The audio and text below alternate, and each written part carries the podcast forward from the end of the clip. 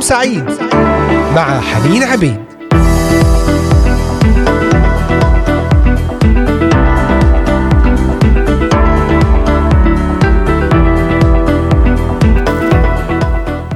أهلا وسهلا بكم أحبائي المستمعين أينما كنتم جميعا أجمل وأطيب التحيات لكم من هنا من إذاعة صوت الأمل من الأراضي المقدسة. حلقة جديدة لهذا اليوم. أجمل التحيات من الأراضي المقدسة لجميع المستمعين والمستمعات أينما كنتم من مختلف بلدان الشرق الأوسط، بلدان أوروبا، كندا، أمريكا، أستراليا. معكم على الهواء مباشرة حنين عبيد. ونستمر ضمن سلسلتنا التي بدأناها مؤخرا هل يمكن أن نشفى من مشاعر المرارة؟ نعم بإمكاننا أن نشفى من مشاعر المرارة طالما صدقنا وعد الإله الحي أنه يستطيع أن يشفينا. تناولنا في الأمس شخصية من العهد القديم التي امتلأت بالمرارة وهي شخصية هامان التي وردت في سفر أستير. هامان كان لديه حقد ومرارة على الشعب بأكمله. أراد إبادة الشعب شعب الله. لكن في النهاية نتيجة المرارة والحفرة التي حفرها وقع بها. صلب على الخشبة التي كان يحضرها لمردخاي. واليوم سوف نتحدث عن شخصية أخرى دمرتها المرارة وهي شخصية أبشالوم. قال يوهان بول فريدريك البغض الأشد هو البغض الأكثر صمتا. من هو أبشالوم؟ معنى اسمه أبي السلام وهو الابن الثالث لداود من معكة بنت تلماي ملك جشور. فهي وثنية وليست من شعب الله وكان له ثلاثة أبناء وبنت واحدة اسمها ثامار على اسم أخته. ونفهم من سفر صموئيل الثاني الأصحاح الثامن عشر أن أبناءه قد ماتوا صغارا وقد كان أبشالوم محبوبا جدا عند أبيه وعند كل الشعب وقد كان بشهادة كلمة الله شخص رائع. فنقرأ عنه. ولم يكن في كل إسرائيل رجل جميل وممدوح جدا كأبشالوم من باطن قدمه حتى هامته لم يكن فيه عيب. ولكن هذا الشخص الرائع دمرته المرارة وجعلته شخصا مدمرا وعدوانيا وقاتلا. فهو الشخص الثاني في الكتاب المقدس بعد قايين الذي قتل أخاه دون اعتبار لأقدس الروابط الإنسانية والذي اضطجع مع سرار أبيه على السطح أمام جميع إسرائيل. والذي طارد أباه وكان يريد أن يقتله ويأخذ منه الملك. ترى ما هو سر المرارة في حياة ابشالوم سنعرف ذلك خلال هذه الحلقة. نصلي يا رب طالبين حضورك ونعمتك ومرافقتك لنا في هذا الوقت. نسلمك أذهاننا قلوبنا عقولنا. امتلكنا يا رب. تعالى كلمنا خاطبنا بكلمتك. اشفنا يا رب من كل مرارة. اشفنا من كل انزعاج من كل أفكار خاطئة. اشفي شفاء جسديا يا رب. إذا كان المرض بسبب أمور نفسية بسبب مشاعر مرارة وغضب واستياء المس لمسة شفاء الآن يا رب. لأي مشاكل صحية لأي مشاكل نفسية نؤمن أنك إله الاختراق وإله الحياة. آمين آمين. يوم ورا يوم بتشكل فيا وأنا كالخزفي بين إيديك مع سرمد إلياس ومريم شوقي. لنطلب تشكيل الله لقلوبنا وعقولنا من جديد ليملأ أفكارنا بكلمته وليزيح كل مرارة. فاصل ونعود.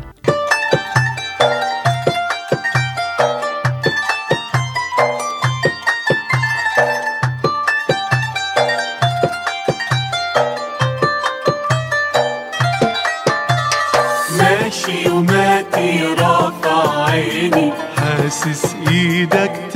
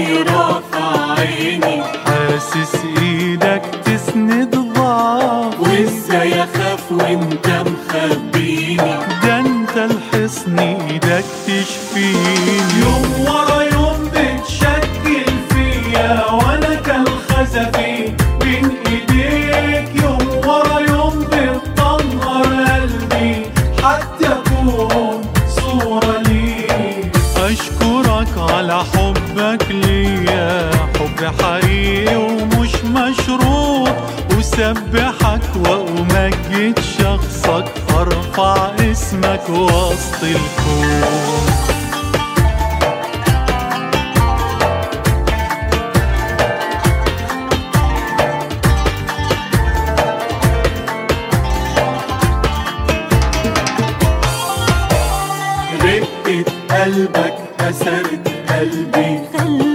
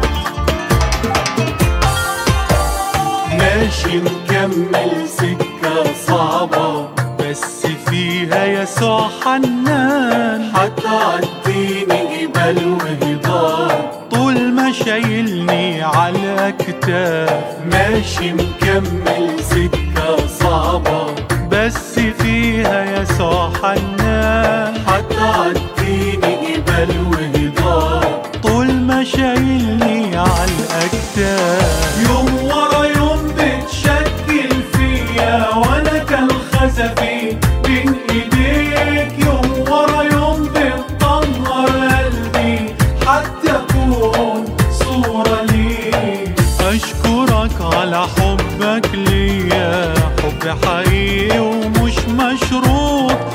اسبحك وأمجد شخصك ارفع اسمك وسط الكون وارفع اسمك وسط الكون.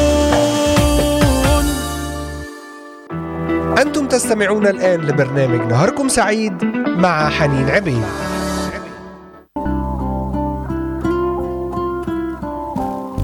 عدنا إليكم أحبائي المستمعين. هنا إذاعة صوت الأمل وبرنامج نهاركم سعيد نتحدث ضمن سلسلة هل يمكن أن نشفى من مشاعر المرارة ونتناول اليوم شخصية دمرتها المرارة وهي شخصية أبشلوم ما هي مشاعر المرارة لدى أبشلوم؟ كيف تكونت؟ وما هو السر في حياة أبشلوم لتكون مشاعر المرارة؟ تبدأ قصته مع المرارة بعد أن اغتصب أمنون ثامار أخته.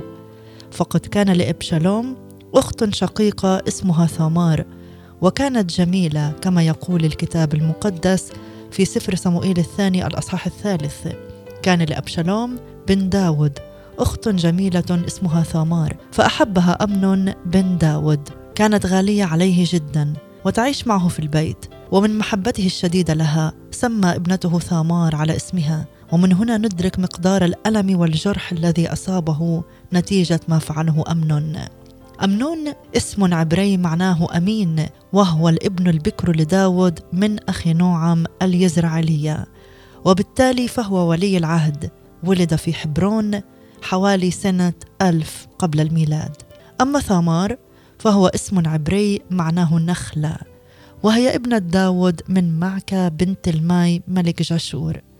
وعندما سيطرت الشهوة على أمنون تجاه أخته غير الشقيقة ثامار فالشهوة هي تمركز على الذات وتدفع الإنسان لأن يشبع شهوته بأي طريقة وبأي ثمن وتجعل الإنسان يتحرك بالغريزة وليس بالعقل ويتعامل مع الغير كأدوات لإشباع شهوته وليس كأشخاص.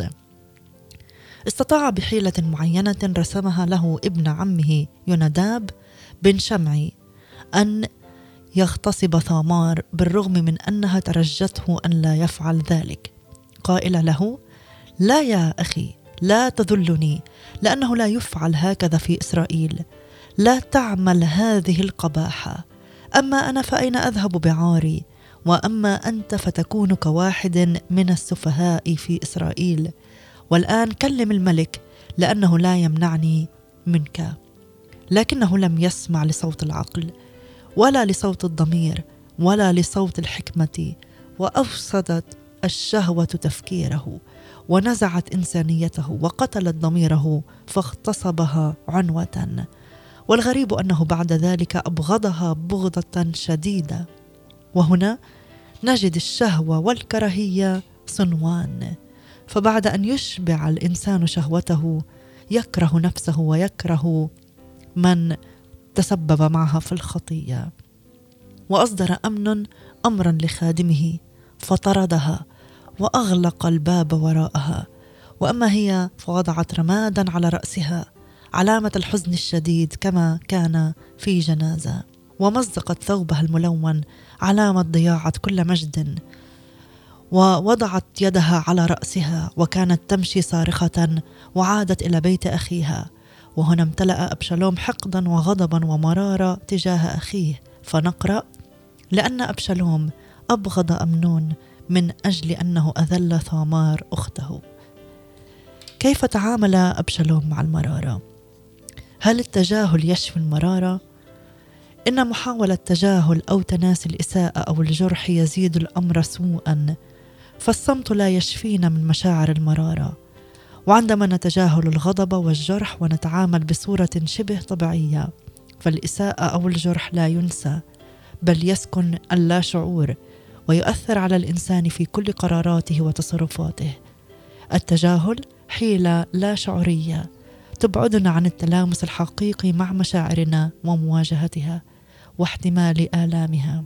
حاول أبشالوم أن يتجاهل الموقف ويتناساه فنراه يقول لأخته فالآن يا أختي اسكتي. أخوك هو. لا تضعي قلبك على الأمر. وهنا نقول أنه فعل هذا لأنه شخص مهذب وممدوح كما يصفه الكتاب. وتوقف الحوار بينه وبين أخيه. لكن كانت مشاعر المرارة تزداد يوما بعد الآخر مما قاده للتفكير في الانتقام. إن هذا الشخص الممدوح من الآخرين الراقي في التفكير والمهذب المشاعر هزمته المرارة. وما أصعب وأسوأ الهدوء والصمت عندما يكون ستارا لمرارة داخلية. فغالبا يكون العنف والانتقام أشد مرارة وشراسة. وهنا نرى كارثة الصمت وعدم العتاب فلم يعاتب أبشالوم أخيه ولم يوبخه وكبت الغضب وكبت الغضب كارثة كبرى يظهر بعد ذلك في صورة حقد وضغينة ورغبة في الانتقام. عندما لا يعبر الإنسان عن غضبه فإن هذا الغضب يتحول إلى طاقة تدميرية. لذلك يقول الرسول بولس في رسالة أفسس الأصحاح الرابع اغضبوا ولا تخطئوا لا تغرب الشمس على غيظكم. لو كان قد غضب وانفعل لكان أرحم مئات المرات من كبت الغضب. ويكمل بولس في الآية الحادية والثلاثين ليرفع من بينكم كل مرارة وسخط وغضب وصياح وتجديف مع كل خبث. غالبا لم يكن صب صمت أبشالوم صمت الهدوء والسلام بل المرارة والرغبة في الانتقام. هل الوقت يحل المرارة؟ سوف نعرف هذا من قصة أبشالوم بعد هذه الترنيمة ابقوا معنا. المجد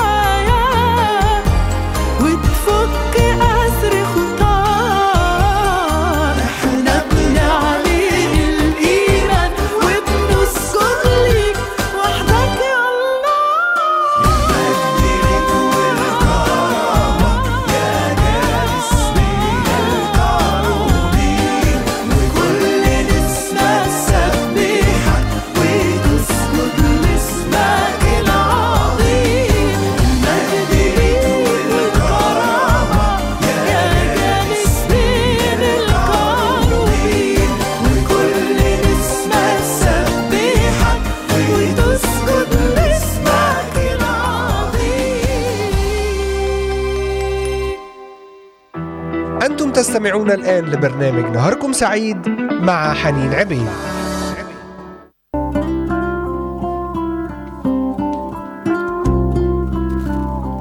هل الوقت يحل مشكلة المرارة؟ أحيانا نظن أن الزمن يحل المشكلة ولكن يقول علماء النفس أنه بمرور الزمن قد ينسى الإنسان تفاصيل الحدث لكنه لا ينسى الألم ولا يشفى من المرارة. فالزمن يؤدي فقط إلى اختفاء الألم من على السطح لكنه يظل في أعماق النفس البشرية. وهذا ما حدث مع أبشالوم. فبعدما مضى سنتين وربما الكل يظن أن الأمر انتهى وأن أبشالوم قد نسي الأمر ولكن لم يكن قد شفي من المرارة. فدبر لاغتيال أخيه وقت جز الغنم وهو وقت فرح وعيد. أحبائي إياكم أن تظنوا أن الزمن وحده يشفي من المرارة. إن احتفاظ أبشالوم بالكراهية والبغضة لمدة عامين كان بداية للتدمير الداخلي له.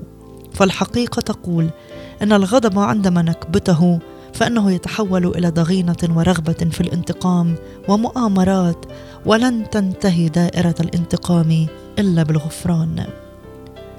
اذا الوقت لا يحل مشكلة المرارة. فهل الانتقام يشفي من مشاعر المرارة؟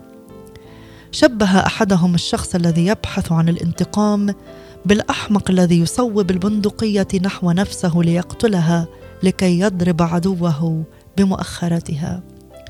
وسنجد أن هذا ما حدث بالضبط مع أبشالوم وما يحدث مع كل إنسان يختار طريق الانتقام. فعندما تحتفظ في قلبك بالضغينة تجاه شخص ما فأنت تدمر نفسك وجسدك.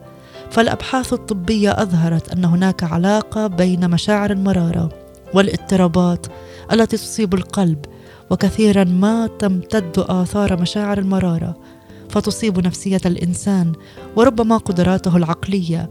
فتجده يصل إلى الاكتئاب الذي يؤثر سلبا على القدرة العقلية وتدفعه للتصرف بطريقة غير منطقية. اختار أبشالوم طريق الانتقام وبعد سنتين استطاع أن يقتل أمنون أخيه. فهل شفي من المرارة؟ كلا. فبعد ذلك هرب إلى جاشور لمدة ثلاث سنين كما نقرأ وهرب أبشالوم وذهب إلى جاشور وكان هناك ثلاث سنين. سفر صموئيل الثاني الأصحاح الثالث عشر. واختار جاشور ليذهب إلى جده تلماي بن عميهود ملكها. وعندما عاد بعد ثلاث سنين من قتل أمنون وخمس سنين من اغتصاب ثامار لم يستطع الزمن ولا التجاهل والتناسي ولا الانتقام أن يشفيه. وكانت مشاعر المرارة تزداد يوما بعد الآخر في قلبه. لماذا تمكنت مشاعر المرارة من قلب أبشالوم؟ ولماذا كانت المرارة تزداد تجاه أبيه؟ أولا هو الأب المتهاون مع الابن المذنب نقرأ في سفر صموئيل الثاني الأصحاح الثالث عشر بعد أن اغتصب أمنون ثامار لما سمع الملك داود بجميع هذه الأمور اختاض جدا كان كل ما عمله داود مع ابنه الذي ارتكب أكبر جريمة في حق نفسه وأخته وبيت أبيه أنه اغتاظ ولا نقرأ عن أي نوع من العقاب أو التأديب اتخذه معه. نعم لم يعاقبه لأنه كان يحبه إذ كان ابنه البكر. وهل الحب يجعلنا لا نؤدب؟ كلا فالحب هو يدفعنا لتأديب أولادنا لئلا نفسدهم. يقول في ماير لم يكن ممكنا أن تحدث جريمة قتل أبشالوم لأخيه أمنون لو أن داود اتخذ إجراءات سريعة لقصاص أمنون. فبعد ما يأتي ابني ويشتكي أخيه الذي أساء إليه ولا أفعل شيئا فإن ابني يزداد حقدا ومرارة تجاه أخيه وتجاهي. وهذا ما حدث مع أبشالوم. كان داود أبا متهاونا مع أولاده. ولعل أقوى دليل على ذلك هو أنه عندما تقدم في السن وأراد ابنه أدونيا أن يستولي على الملك لم يفعل شيئا. وعندما علم أبشالوم قتل أمنون كان كل ما فعله هو أنه مزق ثيابه وجلس على الأرض. لم يجرؤ داود أن يعاقب أبشالوم من أجل القتل إذ تذكر أنه كقاتل أعفى نفسه من قصاص هذه الجريمة. أمام ثلاث حوادث من أكبر الجرائم التي يرتكبها أبناءه نجده لا يفعل شيئا. سليمان وهو يتحدث في سفر الأمثال عن التأديب يبدو أنه كان في ذهنه تهاون أبوه مع إخوته والنتائج التي ترتبت على ذلك. فيقول في سفر الأمثال الأصحاح الثاني والعشرين رب الولد في طريقه فمتى شاخ أيضا لا يحيد عنه. لا تمنع التأديب عن الولد لأنك إن ضربته بعصا لا يموت. تضربه أنت بعصا فتنقذ نفسه من الهاوية. إذا السبب الأول الذي جعل أبشالوم تتفاقم لديه مشاعر المرارة الأب المتهاون وثانيا مشاعر الرفض من الأب. فبعدما رفض الأب أبشالوم هرب لمدة ثلاث سنين منفيا في جشور أراد يؤاب بن سرويا أن يعيده إلى أورشليم ويصالحه مع الملك ففكر في خطة ذكية لينفذ ذلك. ملخصه أنها أو أنه لجأ إلى امرأة حكيمة تدعى تقوعة لأنها من تقوع وهي قرية قريبة من بيت لحم وهي قرية عاموس النبي. وطلب من المرأة أن تقوم بدور أرملة حزينة للغاية في ضيقة شديدة. فذهبت إلى الملك ولبست ثياب الحزن ولم تدهن بزيت. وطلبت من الملك أن يعينها. فقالت إنها أرملة مات رجلها ولها ابنان تخاصما في الحقل فقتل أحدهما الآخر. خسرت ابنيها وهي تطلب الرحمة لها والعفو عن ابنها ليس من أجله هو وإنما من أجل ترملها. ترأف داود جدا عليها ووعدها أن يوصي عليها كي لا يموت ابنها. نعم ونقرأ بقية القصة في سفر صموئيل الثاني الأصحاح الرابع عشر من الآية التاسعة عشر حتى الحادية والعشرين. طلب داود من يؤاب أن يرده إلى أورشليم لكنه لم يقابله أو يتحاور معه. وهنا نرى أنه كان هاربا لمدة ثلاث سنين أي له خمس سنين لم يرى ابنه وظن داود أنه يمكن أن يعالج الأمر بالغفران الناقص الذي يسمح له بالعودة من المنفى بشرط أن ينصرف إلى بيته ولا يرى وجهه. أعاده من منفاه في جشور حيث كان مع أقارب أمه إلى منفى أصعب وأشد هو منفى النفس. داود أيضا كان يميز بين أولاده. سنعرف ذلك؟ بعد هذه الترنيمة ابقوا معنا.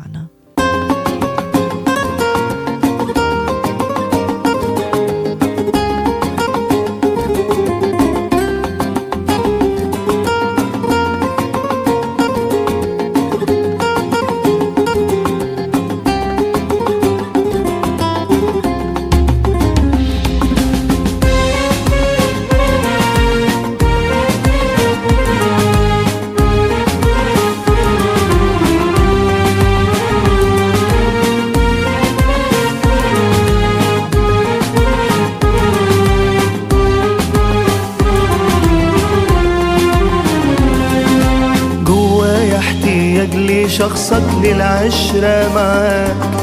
نفسي أكون بالقرب منك يشبعني لقاك جوايا احتياج لشخصك للعشرة معاك. نفسي أكون بالقرب منك يشبعني لقاك كل حاجة في الحياة من غيرك دي موت. عدي بيا كل آه عديني الصدور. كل حاجة في الحياة من غيرك دي موت عدي بيا كل آه عديني الصدور من الحيطان اللي بنتها والودان اللي ساددها. من الحيطان اللي بنتها والودان اللي ساددها. أرجع لك وأعود أرجع لك وأعود. كل مرة بكون أمامك تأسرني أمانتك واحتمالك لي في ضعفي جودك ومعونتك كل مرة بكون أمامك تأسرني أمانتك واحتمالك لي في ضعفي جودك ومعونتك كل حاجة في الحياة من غيرك دي موت عدي بيا كل آه عديني السدود كل حاجة في الحياة من غيرك دي موت عدي بيا كل آه عديني السدود من الحيطان اللي بانتها والودان اللي سادتها. من الحيطان اللي بنتها والودان اللي سادتها. أرجع لك وأعود. أرجع لك وأعود.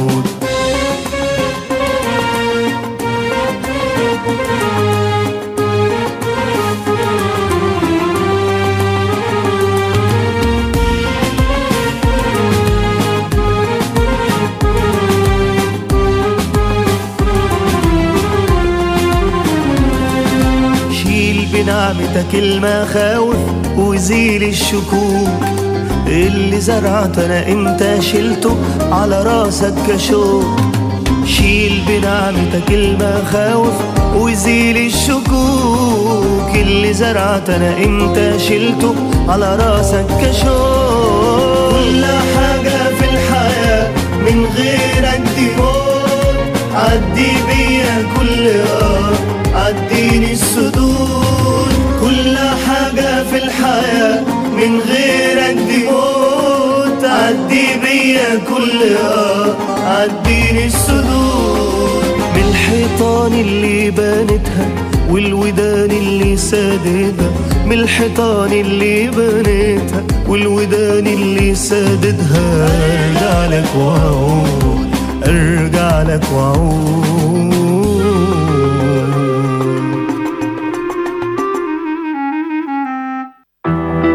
تستمعون الآن لبرنامج نهاركم سعيد مع حنين عبيد.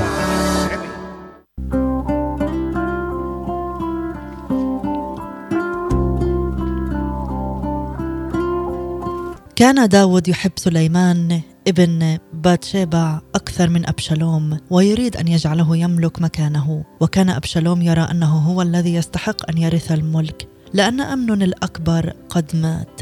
وكان أخوه الثاني كيلاب قد مات. فكان أبشالوم وأكبر الأحياء وله الحق في أن يملك مكان أبيه. إلى جانب أن أبشالوم كان يرى أنه الوحيد الذي يجيء من أصل ملكي فأمه معكة بنت ملك جشور أما بقية أخوته بما فيهم سليمان فإنهم أبناء سيدات عاديات ومن هنا نرى أبشالوم أنه الوارث الوحيد للعرش. ولكن تمييز الأب لسليمان ملأه بالحقد والكراهية لأبيه. التمييز بين الأبناء. يزرع الحقد والكراهية بينهم ويملأهم بالضغينة والمرارة تجاه الأم أو الأب الذي يميز. ويملأهم بالرغبة في التدمير والانتقام كما حدث مع يوسف وأخوته عندما ميز يعقوب بين يوسف وباقي إخوته. لذلك يحذرنا الرسول بولس قائلا أيها الآباء لا تغيظوا أولادكم لئلا يفشلوا. إذا ثلاث عوامل ذكرناها حتى الآن أدت إلى تفاقم مشاعر المرارة في حياة أبشالوم. أولها الأب المتهاون مع الابن المذنب وثانيا مشاعر الرفض من الأب وثالثا الأب الذي يميز بين أولاده. ورابعا ضياع هيبة الأب. للأسف لم يكن لداود أي تأثير روحي داخل بيته وربما لأنه كان مشغولا بأمور المملكة والأسوأ أنه كما يقول أحد القصص حول بيته إلى وكر للأشرار بتعدد الزوجات ويضيف أن امرأة شريرة واحدة في بيت رجل صالح كفيلة بأن تحوله إلى الجحيم. فكيف يكون الأمر لو أن هناك مجموعة متنافرة من مختلف الأنماط والألوان؟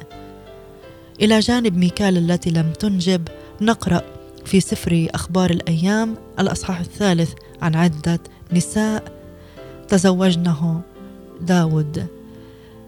هذا إلى جانب أن هناك عامل آخر يذكره أحد القصص الآخرين وهو أن داود كان قد سقط من نظر أبشالوم بعد سقوطه مع باتشيبع وبعد قتل أوريا. وحتى إن كان هذا الحدث قد مر عليه سنين طويلة لأنه كان قبل اغتصاب ثومار إلا أنه في ذاكرة أبشالوم وله تأثير سلبي عليه. ما الذي كان يحتاج إليه أبشالوم؟ وما الذي كان يمكن أن يشفيه؟ كان أبشالوم في أشد الاحتياج إلى حب أبيه وتقديره واهتمامه ونصحه وإرشاده وتهذيبه وتعليمه وتوجيهه وتوجيه نظره إلى الله.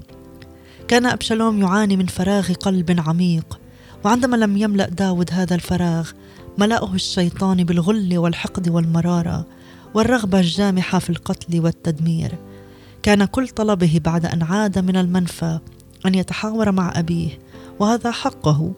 كان يعاني من الشعور بالرفض وله خمس سنين لم يرى الملك فأرسل إلى يؤاب مرتين ليتوسط له ويجعله يقابل الملك لكن يؤاب لم يفعل. شيئا ازاء هذا الأمر. والشيء الغريب هو أن ابشالوم قبل أن يموت أقام لنفسه نصبا تذكاريا. فنقرأ أنه أقام هذا النصب وهو حي. أحبائي أيضا لنحذر الغفران الناقص الشكلي فهو ليس حلا. بعد مضي سنتين من عودة أبشالوم من المنفى ماذا حدث؟ وبعد أن أحرق حقل يؤاب ذهب يؤاب وأخبر الملك فصالح داود أبشالوم ولكن الصلح لم يكن من القلب كما نقرأ في سفر صموئيل الثاني. ولم نقرأ أنه عاتبه أو وبخه أو تحاور معه. كان مجرد صلح شكلي لم يشفي قلب أبشالوم. إن العتاب والصلح إن لم يكن على أساس صحيح لا يفيد شيئا ويأتي بنتيجة عكسية ما هي نهاية المرارة؟ هناك مثل صيني يقول من يختار الانتقام يجب أن يحفر قبرين بعدما مرت السنين ولم يشفى أبشالوم من المرارة كانت النتيجة أنه دبر المؤامرة الكبرى ضد أبيه ليقتله ويأخذ منه الملك وبدأ يخطط لذلك ويسترق قلوب الناس. وبعد أربع سنين فهي أربع سنين وليست أربعين سنة كما وردت في ترجمة العربية فان دايك. وإلى جانب هذا نرى عمق الكراهية والشر والحقد والمرارة التي تملأ قلبه تجاه داود. أعد جيشه ليدخل الحرب ويقتل أبيه. وبينما هو في قلب المعركة أمسكت شجرة بشعر رأسه وجرى حصانه من تحته وإذ به معلق بين الأرض والسماء. فرآه رجل في هذا الوضع فجرى وأخبر يؤاب الذي لم يتردد لحظة واحدة رغم كل توصيات الملك داود وأخذ سهام وأنشبها في قلب أبشالوم وسقط أبشالوم سريعا وخسر كل شيء. وطرحوه في الجب العظيم وأقاموا عليه رجمة عظيمة جدا من الحجارة حسب العادة المألوفة في تحقير المتمردين. هذه هي نهاية المرارة إنها تدمر الإنسان نفسه قبل أن تدمر الآخرين. والشيء الغريب كما ذكرنا هو أن ابشالوم قبل أن يموت أقام لنفسه نصبا تذكاريا. فنقرأ في سفر صموئيل الثاني الأصحاح الثامن عشر. وكان أبشالوم قد أخذ وأقام لنفسه وهو حي النصب الذي فيه وادي الملك لأنه قال ليس لي ابن لأجل تذكير اسمي. وضع النصب باسمه وهو يدعى يد أبشالوم إلى هذا اليوم. أطلق أبشالوم على هذا النصب اسم يد أبشالوم. لماذا أقام هذا النصب؟ ألم يكن يدري أنه ليس في حاجة إلى هذا النصب؟ لأنه قام نصبا أكبر وأعظم وأرهب منه. وليس في وادي الملك القريبة من أورشليم بل في ذاكرة التاريخ. نصبا يعلن عن بشاعة الخطية التي عندما تسيطر على الإنسان تجعله يدوس على أقدس المبادئ. فيقتل أباه ويدخل على سرار أبيه ويطارد أباه ويتمنى أن يقتله. نصبا يعلن عن كارثة المرارة التي عندما تسيطر على إنسان تقوده إلى أن يدمر بيته وأولاده وحاضره ومستقبله. عزيزي المستمع عزيزتي المستمعة إن كل إنسان منا أراد أو لم يرد بأفعاله وتصرفاته طوال حياته يقيم لنفسه يقيم لنفسه نصبا تذكاريا يبقى على مر السنين والأجيال يشهد بصورة أقوى من التمثال الصامت فما هي أخبار النصب التذكاري الذي تقيمه لنفسك؟ ما هي الأمور التي تريد أن يتذكرك الآخرين بها؟ إن كل إنسان وإن مات يتكلم بعد لكن المهم ماذا يقول رأينا في هذه القصة والدراسة كيف أن مشاعر المرارة دمرت حياة أبشالوم أردف قتيلا. يا رب نحول أعيننا نحوك في هذا اليوم. نصلي يا رب بينما قرأنا هذه القصة وتأملنا فيها وتأملنا في النقاط. النقاط القوية خطورة المرارة وأسباب المرارة في حياة أبشالوم. إن كنت تعيش التجاهل لكي تشفي مشاعر المرارة. وإن كنت تتمنى أن الوقت يحل هذه المشكلة أو الانتقام إن كان أحد الوالدين متهاون مع ابن مذنب في عائلتك إن كنت تعاني من مشاعر الرفض من أحد الوالدين وإن كان هناك تمييز بين الأولاد في أسرتك صلي للرب أن يأتي ويشفي كل هذه المشاعر. باسم الرب يسوع المسيح. يا رب نصلي أن تختم على هذه الكلمات بقوة روحك القدوس بقوة اسمك. تعال تعامل معنا اليوم. تعال المسنا اليوم. تعال لين قلوبنا بزيت روحك القدوس بحضورك الشافي بحضورك الكريم. تعامل معنا يا رب. لك كل المجد والكرامة. آمين آمين. وصلي لأجل أحبائي أي طلبة أي احتياج. أنت تعرف الكل يا رب. نصلي لأنك أنت قلت اسألوا تعطوا اطلبوا تجدوا اقرعوا يفتح لكم. نسألك يا رب ونطلب منك أن تفتح أبواب السماء أبواب البركة والخير على أحبائي. أعطنا سلاما وهدوءا وطمأنينة في هذه الأيام في داخلنا لنعكسه إلى الخارج. باسم يسوع المسيح. آمين. أشكركم على حسن المتابعة والإصغاء. كانت معكم حنين عبيد ضمن برنامج نهاركم سعيد من هنا من إذاعة صوت الأمل. تعالوا نختتم هذه الحلقة بترنيمة مع فريق التسبيح. نصيبي هو الرب ولنا لقاء جديد بنعمة الرب. وحلقة جديدة من برنامج نهاركم سعيد عبر إذاعة صوت الأمل. أجمل وأطيب التحيات إلى اللقاء.